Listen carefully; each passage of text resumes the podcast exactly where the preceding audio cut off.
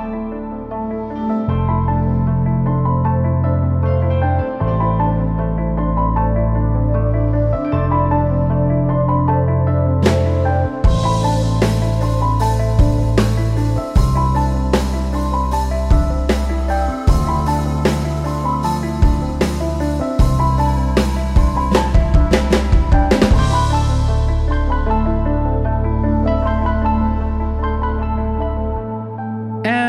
goedemiddag of goedenavond. Het hangt er vanaf wanneer je luistert. Uh, welkom bij de vierde aflevering van de podcast The Unmakables. Um, vandaag hebben we een hele bijzondere uh, gast, uh, Johan van der Dom. kunstenaar, um, ja, allround performer. ik, ik kan je wel gaan voorstellen, maar eigenlijk kun je het denk ik beter zelf doen.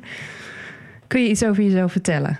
Nou, ik ben uh, Johan van der Dong inderdaad. En ik ben de kunstenaar van conceptuele projecten zoals de postbus uh, van God, de hotline van God, de, uh, de postbus van Allah, voetstappen in vrijheid.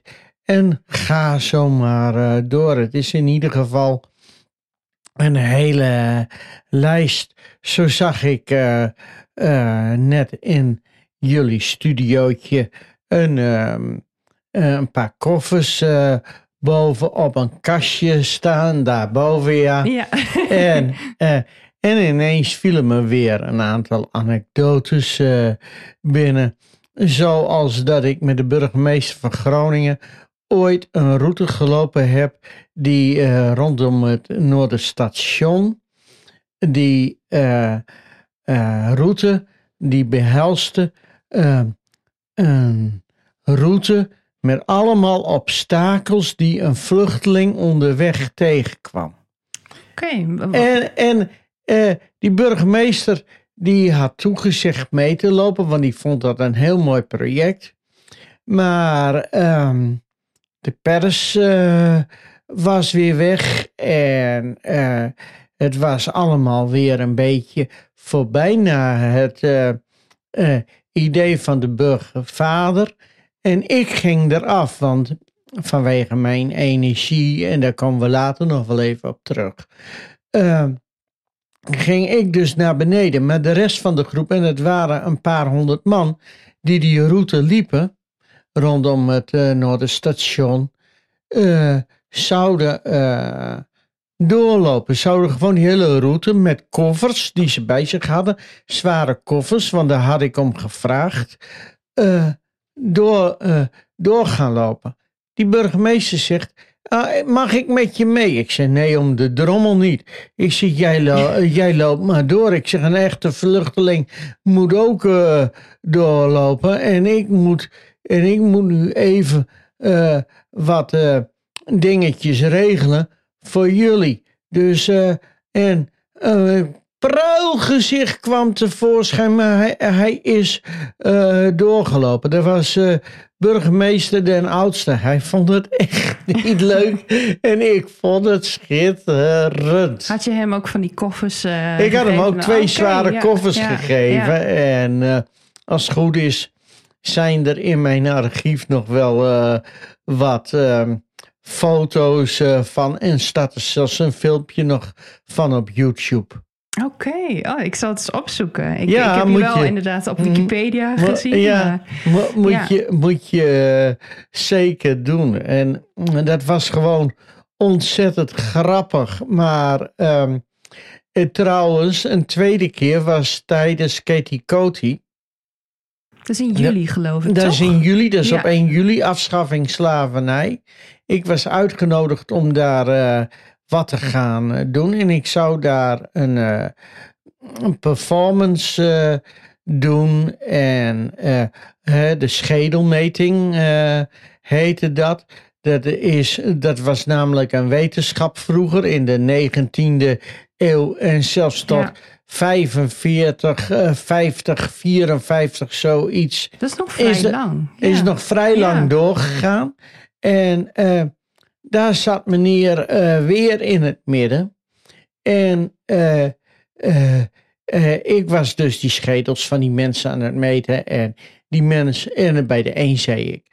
Ik zei, nou, ik zei, jij hebt wel zo'n grote schedel. Ik zeg, daar kan wel wat extra informatie bij. En ik zeg, eh, en tegen een ander, ik zeg, aan jou heb ik niks. Eh, nou, eh, want je hebt een veel te kleine schedel. Daar kan ik niks mee. Dat is onbruikbaar. en, en ook Ja. dat is op YouTube te vinden trouwens. Oké, Maar- tof. Ja. Maar die burgemeester, ik kwam op hem af en, ik, en die burgemeester die verstrakte echt helemaal. Omdat hij bang was dat ik zijn schedel zou gaan meten. En toen kwam die na die tijd bij me en dat was op zich ook wel even een lief moment. Hij zei, weet je wat het is als je mijn schedel eh, gemeten had? Burgemeesters zijn altijd het slachtoffer. En dat is natuurlijk ook wel zo. Een burgemeester verschijnt ergens om te openen. ja. En daar wordt dan van alles van verwacht. Dat die man soms de gekste dingen eh, ja, doet. zodoende. Ja, Ja, ja. ja, ja. ja. En dat, dat genometer, dat, ik herinner me ineens, dat deden ze toch ook om, om te kijken of, of, hè, cri- hoe crimineel je bent in te schatten. Er zat toch een hele Oh, gedachte achter. Ja, er zat Ja, een hele ja. gedachte achter. Maar ook eh, over de. Het, ze dachten daarmee ook het, het EQ van mensen af te kunnen Ja. meten. Van mm, je was eigenlijk een soort onwaardig mens, een beneden gemiddeld mens als je schedel eh, te smal eh, Oh was. En, eh, en dat is natuurlijk ook gruwelijk misbruik geweest Ja. door de nazi's, et cetera. Het is nogal beladen. Ja. En als je dan leest, en daarom had ik dat project ook opgepakt, dat eh, in België ze er zelfs nog tot in de jaren 70 mee door zijn gegaan. En ik Oh. meen in Zweden, maar eh, zelfs tot in de jaren 90. Dan denk je, waar zijn we eh, met z'n allen mee bezig? En dan merk je toch ook wel dat er in de samenleving toch een bepaald soort geïnstitutionaliseerd racisme zit. ja. Alleen de uitingen vandaag de dag van eh, de mensen die dat nu probeer, wat proberen te emanciperen en, eh, en alles op een rij zetten van wat er gebeurd is en nou, het is niet fraai geweest, et cetera, et cetera, schieten nu met dat hele woke weer door. ja, ja, naar de totaal andere kant. Dat Ja, mensen- de totaal ja, ja. andere kant op. Ja. En, eh, eh, en ja, eh, een actie krijgt natuurlijk ook een tegenreactie. En dat zijn eigenlijk de aspecten in mijn kunstenaarschap die, we- die we net bij de hand hebben gehad, Mhm. waarop ik mij beweeg. Ja, Eh, die, die, eh, die spanning zoek ik. eh.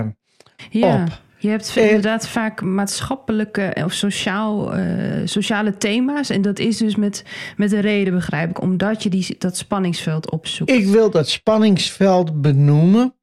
Wat, want kijk, in principe, of je nou blank, zwart, eh, bruin, blauw, geel, eh, rood bent, in ieder mens zit wat, eh, nou ja, zit gewoon racisme. Ja, ja. Het, is, het is iets wat in de mens zit, wat een niet zo vrij stukje van de mens is. En dat probeer ik dan met dat soort projecten een beetje te benoemen, een beetje te prikken, een beetje terug te geven, terug te nemen, et cetera. Dus dan heb je het eigenlijk over een soort bewustwording. eh, Eh, bewustwording ervan ja, van ons eigen menselijk gedrag. En daaraan gekoppeld zit vaak dat mensen eh, hè, rituelen en symbolen nodig hebben om zekerheid te creëren. ja, En dan kun je ook weer kijken naar eh, projecten zoals eh, de postbus van God, de hotline van God, die, hè, waar het om allerlei dingen zoals rituelen gaat. Ik noem maar wat, de voederwassing. Zo heb ik op het uh, Museumplein in Amsterdam gestaan. Met een flink aantal washandjes. En, uh, en uh, een flink aantal tuiltjes met, met zeepen en zo erbij. En heb ik de voorbijgangers gevraagd of ze hun voeten wilden laten wassen. Ik liet ze op krukjes zitten en ik had vijf of zes mensen die me meehielpen, die dan die voeten gingen wassen. En werkelijk, hè? Mensen deden het. Mensen deden het. Mensen deden het. Toeristen, maar ook gewone Amsterdammers. Ja. En de mooiste verhalen uh, kwamen uh, boven. Later heb ik het nog een keer weer herhaald, zoals met Ahmed Marcouch, nu burgemeester van Arnhem, toen Tweede Kamerlid, van hoe verklaar jij naar Pim Fortuyn wat er met Nederland aan de handen is? Waarom zijn we zo uh, ontheemd? En hij vertelde wat over de Tweede Wereldoorlog enzovoort. En uh, uh, ik uh, trok zijn schoenen uit en zijn sok uit. Hij zei, doe je wel voorzichtig en dat soort dingen. Hij was bang dat je heel erg ging boenen. en ik zei, ja hoor. Hij zei, ja, want dit is voor mij een beetje ongewoon. Ja. Dit heb ik nog nooit meegemaakt. Ja. En dat soort dingen. En het was heel gemoedelijk. Ik ben zijn voeten gewassen. En hij heeft eigenlijk de hele historie van Nederland sinds de Tweede Wereldoorlog, hoe dat Nederland getraumatiseerd uit die Tweede Wereldoorlog gekomen is, uh, uitgelegd. En ja. eigenlijk komen we daarmee ook weer op een stukje ehm, persoonlijke zaken mm -hmm. uh, bij mij. Want ik heb een vader die een beetje getroubleerd uit de Tweede Wereldoorlog gekomen is, uh, wiens geschiedenis ja. ik van plan ben te gaan ontleden. Uh, waar komt dat allemaal vandaan? Ja. Waar, waarom is hij naar dat werkkamp zo geworden wie hij is? Waardoor was die man zo angstig? Uh, voor Duitsers en kroop die man bijvoorbeeld onder tafels en dat soort dat, dingen dat... weg uh, uit angst voor de Duitsers. Dat heb ik dat als heb je kind. Meegemaakt? Dat heb ik meegemaakt als kind, ja. als acht, negenjarige, dat ik een keer beneden kwam. Ja. Omdat ik naar de wc moest. En dat mijn eigen vader daar uh, zich aan het verstoppen was en helemaal in paniek over uh, die, over die oorlog. Jeetje. En hij heeft ook dingen meegemaakt als dat hij uh, met zijn blote handen in machines moest werken. Machines die gewoon aan het draaien waren. En als ze dat niet deden, kregen ze slaag. Dat soort dingen. En dan kom je op een bepaald soort mix. Wat mij als conceptueel kunstenaar uh, zo gevormd heeft. Ja. En uh, nou ja, dat is dan één tak, uh, één hele uitgebreide tak van mijn kunst. Maar daarnaast schilder ik ook. Ben ik ook bezig met tekenen.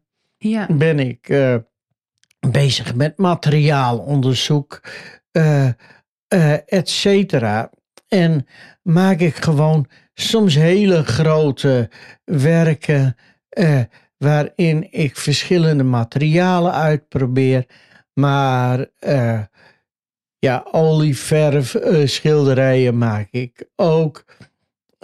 je schrijft, hè? Je en ik ook, schrijf ja. ook gedichten. het valt, maar het valt allemaal in elkaar met die noemen van, die, van het sociale impact. Ja. Kijk eens naar, ehm, kijk eens naar eh, de eh, eh, onderwerpen die ik vaak in de tekeningen toch weer heb. De aardbevingen zie je bijvoorbeeld in mijn tekeningen weer heel Ja. veel eh, terugkomen, doordat ik op tekeningen eh, eh, iets weg ga schuren. Ja, Ik ga huizen die ik net getekend heb weer wegschuren. Ik ga natuur weer wegschuren om het feit van wat er met de natuur aan de hand is door de opwarming eh, van de aarde, door de- het feit dat het klimaat verandert.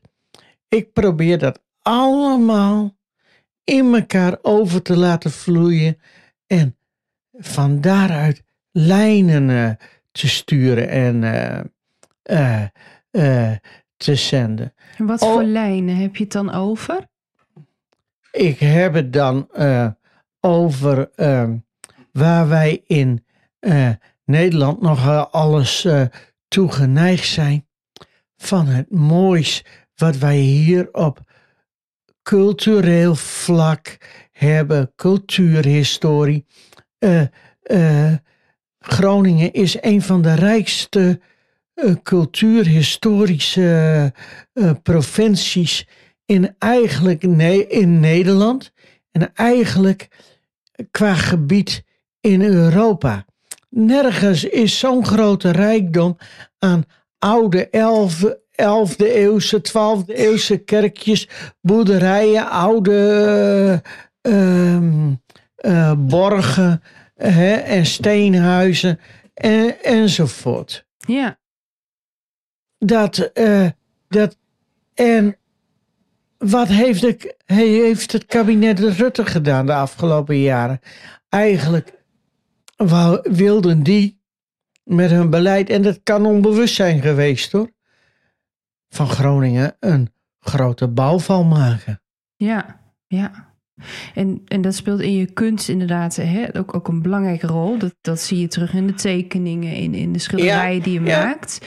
Maar waar ik ook nog wel benieuwd naar ben, hè, je had het eerder kort ook over, over je vader, over je jeugd. Ehm, ik vraag me dan af, hè, eh, eh, hoe, hoe ben jij zo in de kunst terechtgekomen? Hoe, hoe is dat jouw levensmissie geworden?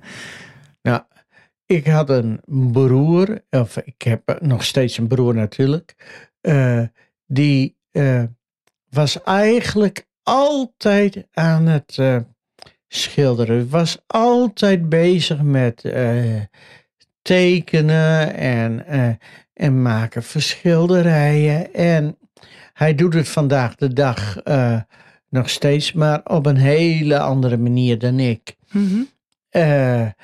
Hij, ehm, eh, ik kwam veel bij hem op de slaapkamer en hij heeft me er eigenlijk, denk ik, onbewust toe geïnspireerd. En het was vr- vroeger al zo dat anderen gingen voetballen en eh, eh, op het schoolplein en ik liep eh, naar huis om zo snel mogelijk weer te kunnen tekenen en dat soort Jullie zaten binnen, zeg maar, waar andere kinderen buiten. ja, ik, ja, ik vond dat bezig. heerlijk. Ik vond dat heerlijk om te doen. En natuurlijk raffotte ik ook wel. En voetbalde ik ook wel. Maar eh, eh, ik eh, heb een collega kunstenaar. die ooit ook, Bert van Sande. Die ooit ook mijn hoofdmeester was. Die, die waar ik bij in de klas gezeten heb op de Koningin Julianenschool in Hoogkerk. En die zei ook, je zag jou ook altijd met een tekening naar huis lopen. Altijd, elke dag. Bij, eh, altijd als er getekend werd dus, Ja. dan eh, za- eh, nam ik die tekening mee naar huis. En het klopt ook, want vaak maakte ik hem thuis nog even wat verder af. Of Oh ja, ja. dat soort ehm, dingen. En ehm, een broer, eh, een broer van eh, mijn uh, uh, overoma. dat was Jan Zondag. Mooie ja, naam. Ja, mooie naam, hè? mooie naam. Zondag. Ja. ja. En dat was een vrij beroemde kunstenaar die in de eind 19e eeuw, begin 20e eeuw ook ehm, vaak op zoek geweest is bij uh, allerlei kunstenaars in binnen- en buitenland. Kunstenaars die uh, best wel grote namen hebben. En, en die dus in Parijs dan verbleef weer bij die kunstenaar of die kunstenaar. En ja, die verhalen over hem die fascineerde mij ook. En uh, dacht ik, ja, wat mooi, wat mooi. En uh, ja, um, ik heb, ik heb de lerarenopleiding tekenen en zo gedaan. want ja, je moet toch ergens van kunnen leven, je moet et cetera, et cetera. ja. En ik heb zelfs nog de HAO gedaan. Oh, terwijl ik totaal niet zakelijk ben, maar dat was personeel en arbeid. Uh, maar ik heb daar eigenlijk nooit wat mee gedaan. Nee. De kunst trok te veel. Ik was altijd bezig met kunst. Ik was altijd bezig met, met uh, dingen creëren.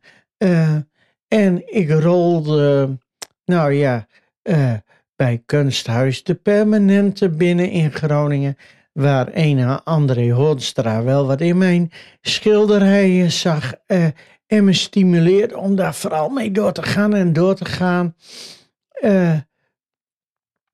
Van, van daaruit kwam ik bij de BBK, de beroepsvereniging van beeldende kunstenaars, uh, terecht, waar ik van alles voor deed. Ik kreeg een enorm netwerk en zo is heel organisch mijn kunstenaarschap uh, gegroeid. Ja. Ja, en, wat je zegt, zo ken ik jou eigenlijk ook. Je bent ook altijd bezig. Ik zie jou eigenlijk altijd heb je weer, weer nieuwe ideeën. Um, dat, dat lijkt me soms wel, wel lastig. Hoe, hoe kies je welk idee juist is? Hoe, hoe volg je dat in je kunstenaarschap? Ik, uh, ja, er komt natuurlijk bij kunstenaarschap heel veel uh, uh, ja, denkwerk eraan vooraf bij kijken. Het is niet alleen maar Nee. even een tekeningetje maken, dit of een schilderijtje, dat. Er is vaak heel veel denkwerk vooraf nodig over de thema's, over het onderwerp, eh, wat je dan binnen zo'n thema nog weer wil pakken, et cetera. Het is niet zomaar even uh, voor elkaar. Een goed project uitvoeren heb je eigenlijk twee jaar voor nodig. Ja. Uh, voordat het zich realiseert. En dan nog heb je kans dat van de tien projecten die je bedacht hebt, er negen niet doorgaan. Ja. Gewoon op de tekentafel uh, sneuvelen, zo Ja. gezegd. En eh, hè, het project van, van eh, de, de postbus van God was eigenlijk een, een, een, een... Of een hotline was het, hè, geloof ik. Echt was een Beide enorm succes. Eerst, ja, was eh, beide een enorm succes. Hoe kwam dat? Hoe, hoe- wat maakt nou dat dat zo, zo groot... Hoe kwam dat? Ik heb me dat zelf ook vaak genoeg afgevraagd. En ik heb daarover bijvoorbeeld ook een weddenschap eh, met mijn eh, vrouw gehad. Ik heb toen gezegd van 300, eh, er gaan iets van 300 eh, brieven binnenkomen. En zij geloofde daar niet Nee? zo in. En da- zij dacht dat het stil zou blijven. Het kan ook andersom geweest zijn hoor. Ja. Dat, dat, dat, dat we daar eh, in, eh, eh, wat verschilde. En je weet ook wat tijd soms met informatie doet. Ja. Maar in ieder geval, in ieder geval, er zijn toen iets van 385 brieven in totaal binnengekomen. Ja. Die ik op het strand van Pezens en Moddergat verbrand heb. Als een soort reukoffer aan God. Ja. Eh, en daar zat eh, ook iets tussen van, eh, en dat vond ik heel, heel mooi. Papa, postbus 10, 98 43 ZG in Grijpskerk. En er stond, want ik opende de brieven niet, hè? Dat, was, Nee. dat was het concept. Precies. Want ik zei Ja. al eh, van, dat moet je tussen de briefschrijver en de ontvanger van de brief laten. Ja. En ik ben, eh, eh, in dit geval is de ontvanger van de brief God. Want dat is Ja. aan God gericht, niet aan mij. Dus ik, ga- ik ging ook niet zo idioot zoals wat de IEO deed. Ervoor eh bidden en ze openmaken. Want Nee. ik vond dat schending van een stuk privé. Ja. Ja. En eh, ik heb toen eh, eh, eens naar die brief gekeken. En er stond een waanzinnig mooie tekening aan de voorkant op. En daarboven stond dus een adressticker met dat. En ik heb me wel eens afgevraagd. Zou het nou met dat jong Ja. jonkie zijn. Hoe zou dat nou met dat kind van toen eh, zijn? Hoe zou die nou in het leven staan? En hoe is het met die weduwe, die moeder? Eh, het is er helaas nooit van gekomen om er achteraan te gaan. Maar Mhm. ja, als mochten ze er ooit van horen, Ja. neem dan eens contact eh, Ja. met mij op. En eh, het is gewoon leuk. Ik heb de brief toen expres achtergehouden voor de pers. Ik, SP, bij die verbranding, SPS was er. Ja. eh, eh, ik meende het NOS-journaal, eh, RTV Jeetje. Noord. Ja. Van allerlei media waren er. Ja. Het was één, één mediacircus op die dag. En eh, ik heb toen gedacht, ik wil niet dat ze die ehm, eh, brief filmen. Want ze waren ook al die brieven die verbrand zouden worden aan het Ja. filmen. En, oh ja. en ik had zoiets van, eh, ik wil niet dat dat op beeld komt, want dat, dat gaat met de media, met de pers aan de loop. En straks wordt dat veel te groot, veel groter dan dat eh, gezin eh, bedoelde. Mhm. En ik had zelf ook geen trek erin om dat ik wat eh er wat mee zou gaan doen, dat breed zou gaan uitmeten. Het voelde op een, een of andere manier als een, als een soort verraad. Ja. Dat, ja, op de een of andere manier kan ik me dat wel voorstellen. Ja, Dus ik heb eh, toen, toen de vlam eh, in de brieven ging, heb ik hem er gauw tussen gestoken. Ja, toch wel. Dus de Ja. brief is er niet meer. eh, De brief nee. is er niet meer. Nee. Alhoewel er wel nageko- nagekomen brieven waren. Ja. En die brieven ehm, eh, heb ik, nou, een stuk of vijf, zes waren dat, verzameld en naar het Groninger archief eh, gebracht, waar ze liggen om nooit geopend te worden. Oké. Alhoewel ja. ik er over honderd jaar niet meer bij ben om dat nog te kunnen controleren. Misschien maken ze het dan ja. alsnog wel open. Maar de belofte is er van het Gro- eh, van Groninger archieven dat ze nooit op, eh, eh, open zullen gaan. Omdat die claim van dat kunstproject nou eenmaal zo is Ja. dat de brieven gesloten blijven. Ja, mooi. Ze hebben daar eigenlijk een soort laatste rustplek gevonden. Een soort vertrouwde Ja, ja een soort omgeving. laatste Ja, rustplaats. ja, en eh, eh, ze mogen ze best wel eens tentoonstellen hoor in de toekomst als dat zo van pas komt. Mhm. Zolang het maar niet geopend wordt. Ja, ja, Dat zou het allermooiste zijn. Eh, wij mensen zijn natuurlijk nieuwsgierige wezens. ja dat, dat, Ontzettend nieuwsgierige wezens. Ik, ik ook. En toch heb ik het dit altijd volgehouden. Hoe? Nou, ja, want ja. dat, het lijkt Ja. me zo moeilijk als je Ja. van- alles ziet om dan, dan dat gesloten te laten. Je wil het respecteren, maar ja. Ja, tegelijkertijd... ik heb hele moeilijke momenten gekend hoor. Ja, En ik ben ook ooit een keer door de panorama benaderd geweest met eh, toen eh, wilde de panorama dat ik die brieven zou openen en zou voor gaan lezen Mm. voor een redacteur van hen. Eh, en daar zou ik dan ettelijke duizenden euro's eh, voor krijgen. Ik heb gezegd, ik zeg, ik zal mijn eigen integriteit eens eventjes hier flink gaan vernietigen naar alles wat ik Mhm. eh, gezegd heb. Ik zeg, eh, ik zeg, ben je wel goed bij je hoofd om mij daarvoor te benaderen. Maar dat is ook wel een beetje de heigerigheid die een beetje in de media is komen zitten vandaag de dag. ja de, de- de, behoefte aan sensatie, aan, aan, Ja, ja, aan geheimen, En- aan En onthulling.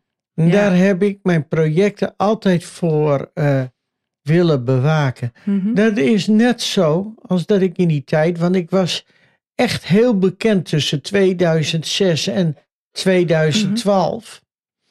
Eh, eh, de, de media mij benaderden eh, een, eh, iemand van het programma Waku Waku, de, red- de redactie, dat ik daar in het panel ehm, eh, moest gaan zitten om beesten te raden. Dat was de aard van dat programma toen. Oké, ja. Wa- wat moet ik daar in hemelsnaam? Ik ben, ik ben kunstenaar, geen circusartiest. Nee, nee, wat bijzonder dat ze daar... eh, Eh, ik, ik wil serieus genomen worden door een Groninger museum. ja. Ik wil serieus genomen worden door een musea in New York of weet ik wat eh, ter wereld. Op het moment dat ik in zo'n quizprogramma ga zitten, neemt niemand meer als kunstenaar meer serieus. Mhm. Dus dat vertik ik. Ja, ja. En ehm, nou ja, je, je hebt veel gesproken over projecten hè, die, die je hebt gedaan. Projecten die heel veel invloed hebben gehad op, op jouzelf. Waarin je ook keus moest maken. Ehm, maar hoe staat het met je toekomstplannen? Want je hebt altijd zoveel ideeën. Ehm, wat houdt je op dit moment bezig? Op dit moment ben ik met twee eh, projecten bezig. Eh, dat is met klein monoloog over de pracht van het Groninger land. En hoe oud dat Groninger landschap wel niet is. Dat Groninger cultuurlandschap met die unieke dorpjes erin. Nou, je weet eh, het zelf ook wel wat voor mooi karakter het heeft. En met gebouwen erop die vaak veel en veel ouder zijn dan de gebouwen in de Randstad. Ja, En dat mag wel eens wat meer beseft eh, ehm, worden. Eh, dus klein monoloog ook naar aanleiding van de dichtbundel, laten we dat niet vergeten. ja. Klein monologen die ik geschreven heb over eh, het opgroeien van, me, van mij op het Groninger eh, land en alle anekdotes die ik daaruit kan ontlenen, et cetera. De sfeerbeschrijving. ja. Maar eh, ik heb ook een ander project en die heet Ik wil dood. Oké. Ja, oh, dat, dat triggert wel mijn nieuwsgierigheid. Ja. Hoe, eh, kun je daar iets over vertellen? Hoe, hoe zit dat? Ik wil dood gaat over het feit dat wij mensen allemaal zo oud willen worden als weet niet wat. 120, 130 bij wijze van spreken is eh, nog niet genoeg. Ja. En, eh, en we mensen maar in leven willen houden ten koste van alles.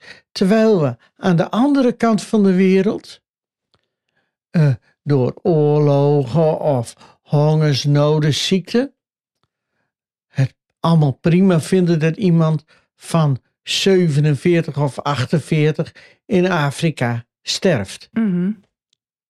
En hier, als een 95-jarige, om, eh, die nog vrij gezond is, maar toch vraagt om euthanasie omdat het leven afgerond is, zeggen we nee, nee. En gaan we Jan Moralist uh, uithangen over dat uh, leven en gaan we er een derde persoon bij halen, namelijk God of uh, Allah of Mhm. wie dan ook.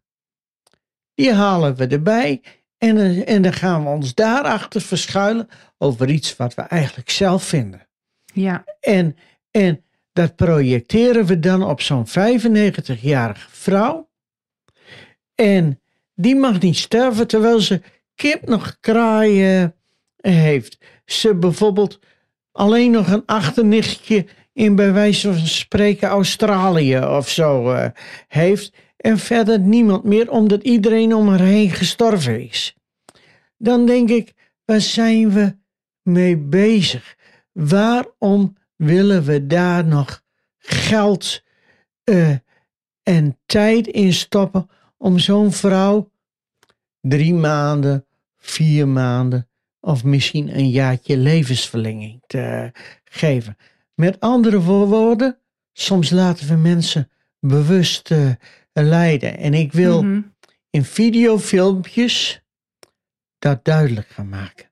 Oké, en, en, en die videofilmpjes, hoe ehm, en daarbij ziet dat eruit?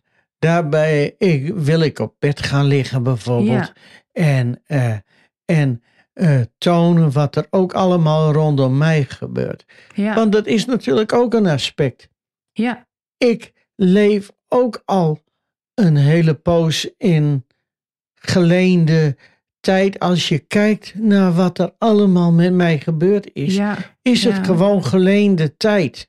En eh, tuurlijk, ik hoop 90 te worden. Wie niet? mhm, Maar dat moet wel met alle plezier kunnen. Ja. Ik moet kunnen blijven tekenen. Ik, eh, want op het moment dat ik niet meer kan tekenen, niet meer met kunst bezig kan, dan is dat zal heel zwaar zijn. ja, En heel, met heel veel verdriet. En ik moet er eerlijk gezegd ook niet aan denken. nee, nee, Eh, maar kijk, ke- eh, hè, mijn vrouw, ja, dat is mijn alles. Mhm. En daar wil je ook die, voor die- door. daar wil Ja. je ook voor door. ja, ja, Maar ik weet ook dat ik niet gelukkig word als ik niets meer kan. En die kans is door die drie beroertes die ik gehad heb, heel realistisch aanwezig. ja, Want er zit iets in mijn hersenen wat dat eh, zo veroorzaakt dat het ieder moment weer opnieuw kan ontploffen. En dan, en dan kan het over zijn als we niet op tijd zijn. ja, Ik leef met een, ja, nou ja, zeg maar gewoon, er zit een levende tijdbom in me. ja. Je weet En- niet wanneer en- die eh, afgaat. En hier hebben we eh, drie keer hebben we het nu weten te voorkomen dat, ach Cor, ik zit in een rolstoel, maar verder doe ik alles nog. Maar op een keer gaat het gewoon verder. Mhm. Met die wetenschap leef ik en daar heb ik ook vrede mee. Ja, want dat maakt mij ook wel nieuwsgierig van hoe is dat om daarmee te leven? Hè? Gewoon die, dat onzekere stuk, dat, die onzekerheid. Dat is een enorm gevecht geweest.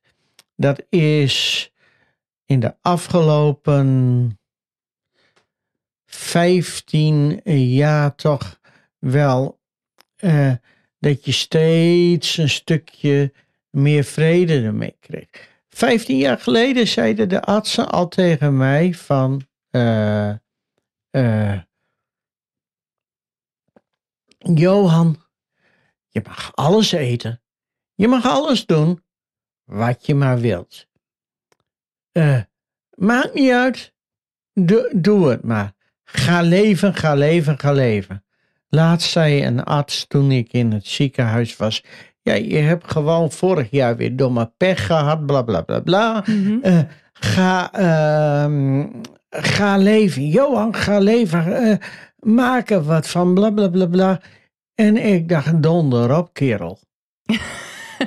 ja, Donder op, wa- want dat doe ik al. Ja, ja, precies. Zo De- bedoel de- je. Ja. Eh, dat doe ik al, ehm, dat weet ik, dat weet ik. En eh, kunst is een soort levenselixer eh, voor me. Net als, eh, eh, als mijn partner ook een soort levenselixer voor me is. Dat is gewoon heel erg belangrijk. Daar leef ik voor en daar vecht ik voor en daar wil ik ook voor blijven vechten. ja, ja. En, eh, en ik zie wel wanneer het leven afgelopen is. Daar heeft niemand eh, wat over te zeggen. Want om nou even weer terug te komen, ik wil dood. Mhm. De mensen in Europa in 1900 we- werden ze ongeveer eh 42,7 jaar gemiddeld. Ja, En dat is natuurlijk ook dat gemiddelde door alle ziektes en weet ik wat omstandigheden. sle- eh, sle- slechte hygiëne, Ja, et cetera. precies, ja. Maar we worden nu gemiddeld iets ouder dan 80 jaar.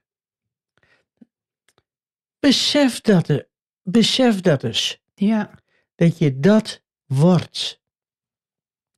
Eh, als mensheid al. En eh, dan, eh, dan verlang je en zie je eh, eh, ineens, dat is beter gezegd, dan zie je ineens dat mensen eh, eigenlijk. Nou, ik moet nou even. ja. Neem je tijd, ja. ja, even een slokje. Ja. Ja, het is ook wel. eh, ik denk er zelf ook wel eens over na. En dan denk ik, hoe wil ik oud worden? Kijk, ik ben nu gezond, maar ik heb ook in een bejaardentehuis gewerkt, eh, een jaar Ja. lang. En dan zag ik ook mensen ja, de hele dag op bed liggen. Er was personeelstekort. Eh, de Ja. familie kwam bijna niet langs, woonde te ver weg. Ja, Ehm, toen dacht ik van, nou, dit wil ik niet. nee. Als dit zo ver Nee. komt, dan maak ik er zelf een einde aan. Of, en of dat nou eh, wetmatig gesteund wordt of niet, dan, dan doe ik het zelf. Want je wil Ja. wel, tenminste voor mij, eh, Waardigheid. ja, waardigheid en, en ook ja, zinvol. ja. En ook in een, in een zekere zin, ja, die, die vrijheid hebben om te beslissen. Want Ja, hè, we, ja. we zeggen wel van, goh, we leven in vrijheid. Maar als iemand gaat bepalen of jij wel of niet mag sterven... dan denk ik soms wel eens van, goh, ja, Die vrijheid vrij is heel is beperkt. Ja. Die vrijheid is heel beperkt. Dat, is, dat is gewoon eh, zo. Maar waar ik net ehm, nog even op terug wil komen. ja, eh, kijk, wij accepteren de dood niet meer naast ons leven. Wij hebben eh, de dood reisde in 1900 als vanzelf met de mensen mee. Het was een onderdeel van het leven. Dat zie je nu mhm. eigenlijk in Afrika en dat soort landen. Of in eh, landen waar veel conflicten zijn, nog steeds. Maar wij proberen in een soort maakbaarheidsgedachte die dood uit te bannen. ja, Die, die dood volledig uit het leven te bannen. En dat is niet gezond. Want de komende eeuwen, met de huidige groei van de mensheid, met al die miljarden mensen die er zijn, die huidige groei gaat ervoor zorgen dat er in Europa ook weer meer uitbraken van eh, zaken zoals corona en zo komen.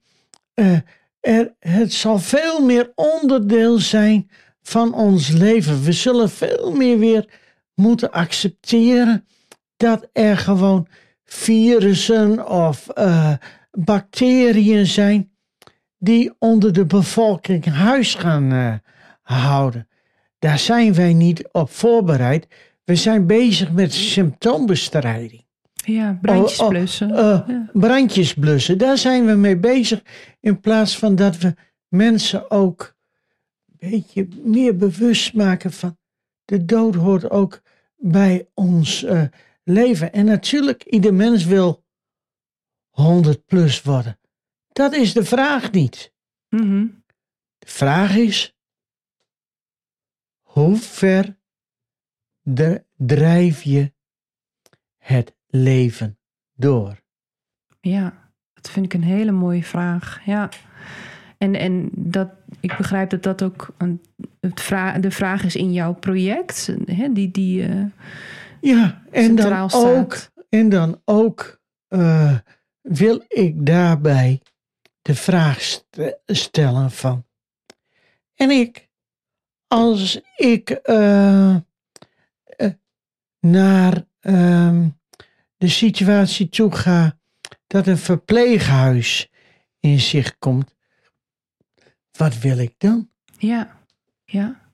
Nou, daar kan ik je één antwoord op geven. Niet? Niet? Nee, nee dan schiet nee. ik me nog liever een kogel door de kop. Ja. Als de overheid het andere onmogelijk maakt. Ja, Dan hou ik nog liever een pistool uit België om me door, eh, door de kop te schieten. Dan kan niemand het meer voorkomen of verhinderen door eh, welk godsbeeld of eh, mensbeeld hij er ook bij sleept. ja. Ja, dat is het. Hè. We lijken soms wel een soort redderscomplex te hebben. Zo van iedereen moet gered worden. Maar hè, voordat je mensen gaat redden, moet je je denk ik afvragen: willen ze ook gered worden? Ja, Hè? En, Ja, en, en ja. dat gesprek erover aangaan ja. met elkaar. En, en, en Nee, ik moet heel vaak dan ook aan dat liedje van Robert Long eh, denken. Eh, Jezus red, Jezus red, alle mensen opgelet. Want dat is dan een soort mantra uit bepaalde hoeken. En natuurlijk, er zijn ook andere hoeken, maar ik gebruik het hier even puur als voorbeeld hoe een eigen gedachte, een eigen mening, via een derde persoon over een boek die 2000 jaar geleden misschien gold, maar nu we in een andere samenleving zitten, toch minder. Dat, die, het- dat verschuilen daarachter. Mhm. Van ja, jongens, dit is niet mijn mening, maar dat is de mening van de Bijbel. Dat is natuurlijk grote onzin. Het is jouw mening. Mhm. Ja, ja. Ja, hebt dan ook de durf om, om, hè, om er open over te zijn, denk ik dan. Hè? Ja, daarom. En eh, kijk, ik heb, ben natuurlijk zelf zwaar christelijk opgevoed geweest. Eh, het sche- scheepje onder Jezus hoede gehalte was in ons gezin, bij althans mijn moeder, niet ver weg. Eh, mijn vader kwam eh, uit een wat meer ongelovig eh, gezin, meer eigenlijk ja, het geloof op wieletjes, want dat, mijn oma was echt, dat was een echte Drentse. En ja, bij Drenthe eh, zeiden ze vroeger het geloof op wieletjes. En je kwam eh, twee of drie keer in je leven eh, in de kerk en dat was het. En dat was allemaal op wieletjes. Ik had geen idee. Nee, had je Nee, geen nee, idee? Nee. Nee. Ik- we Bij de, Drenthe, geboorte, bij de geboorte word je gedoopt en kom je op wieletjes binnen en je, en je gaat bij de begrafenis eh, op, wieletjes er weer, weer uit. Ja, ah, ja, ja. Nee, ik had geen idee van het gezegde. Nee, nee, nee. maar zo leer je toch nog Ja. weer eens wat. Kijk, en eh, ik heb wel een eh, gelukkige jeugd gehad, maar ik heb er ook heel veel inspiratie uit gehad. En die gelukkige jeugd heb ik ook ehm, gehad door de eh, oudere kinderen. Mijn broers en zus zijn 10 en 12 jaar ouder. Die bezig waren met de Rolling Stones. En ik had ook een poster bijvoorbeeld eh, op de kamer hangen. Eh, en dat, uh, toen was ik vier of vijf. En ik had het altijd over de Rolling Stones. Weet je wel, dat soort Ja. dingen. Dat, de, ehm, eh, er kwam altijd, kwamen altijd heel veel mensen bij ons over de vloer. Het was één grote lol. En toch waren ze op een bepaalde manier ook zwaar. En dat lag ook aan mijn moeder, die altijd allerlei kwalen verzon. Eh, een hypochonder tot en met. Eh, hoe vaak ik als kind wel niet in ziekenhuizen heb gezeten, omdat er zogenaamd weer wat met mijn moeder was. Of dat hè, eh, weer het alarmnummer was gebeld, wat mijn moeder. eh, ja, dat kon ieder moment gebeurd zijn, bla bla bla bla. Nou, Mhm. weet je wel, dat soort eh, dingen. Ik heb. ze lagen altijd heel depressief op bed. En mijn vader was een hele sociale, lieve man, beschadigd door de oorlog, Ja. et cetera, et cetera. Die had eigenlijk toen in die tijd moeten zeggen: wel, als het zo doorgaat, dan eh, pak ik mijn biezen en neem ik de kinderen mee. Ja. Beetje Ja. zo. Mhm. En, eh, maar, want dan kwam echt dit. Harry, koffie. En dan eh, liep mijn pa met een kop koffie naar boven. En Mijn moeder. eh, toe. naar mijn moeder Ja. toe. En dan kwam de dokter weer eens langs.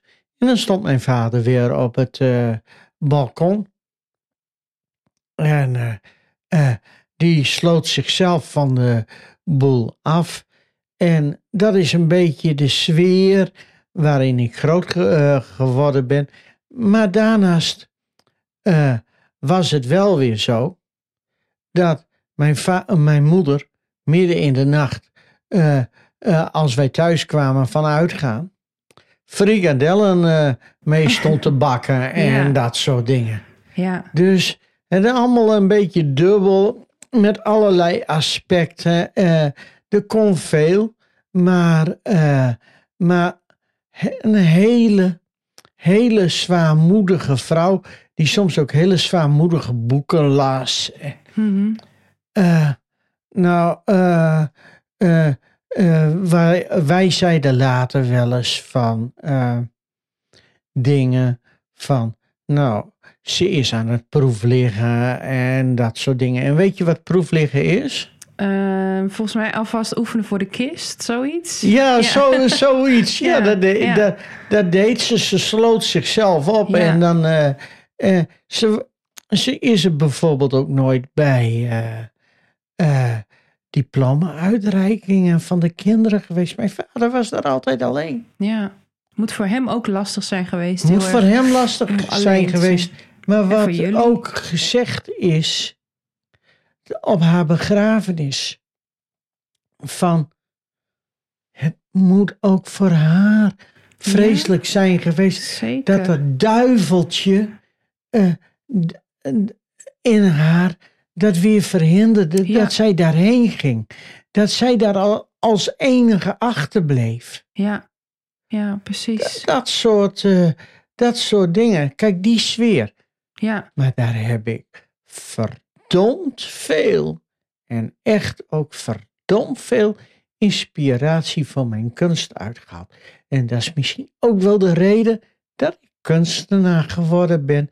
Door die, door die toch wat kromme opvoeding, de, eh, dat gemankeerde gezin, waar toch heel veel plezier en lol was. Ja.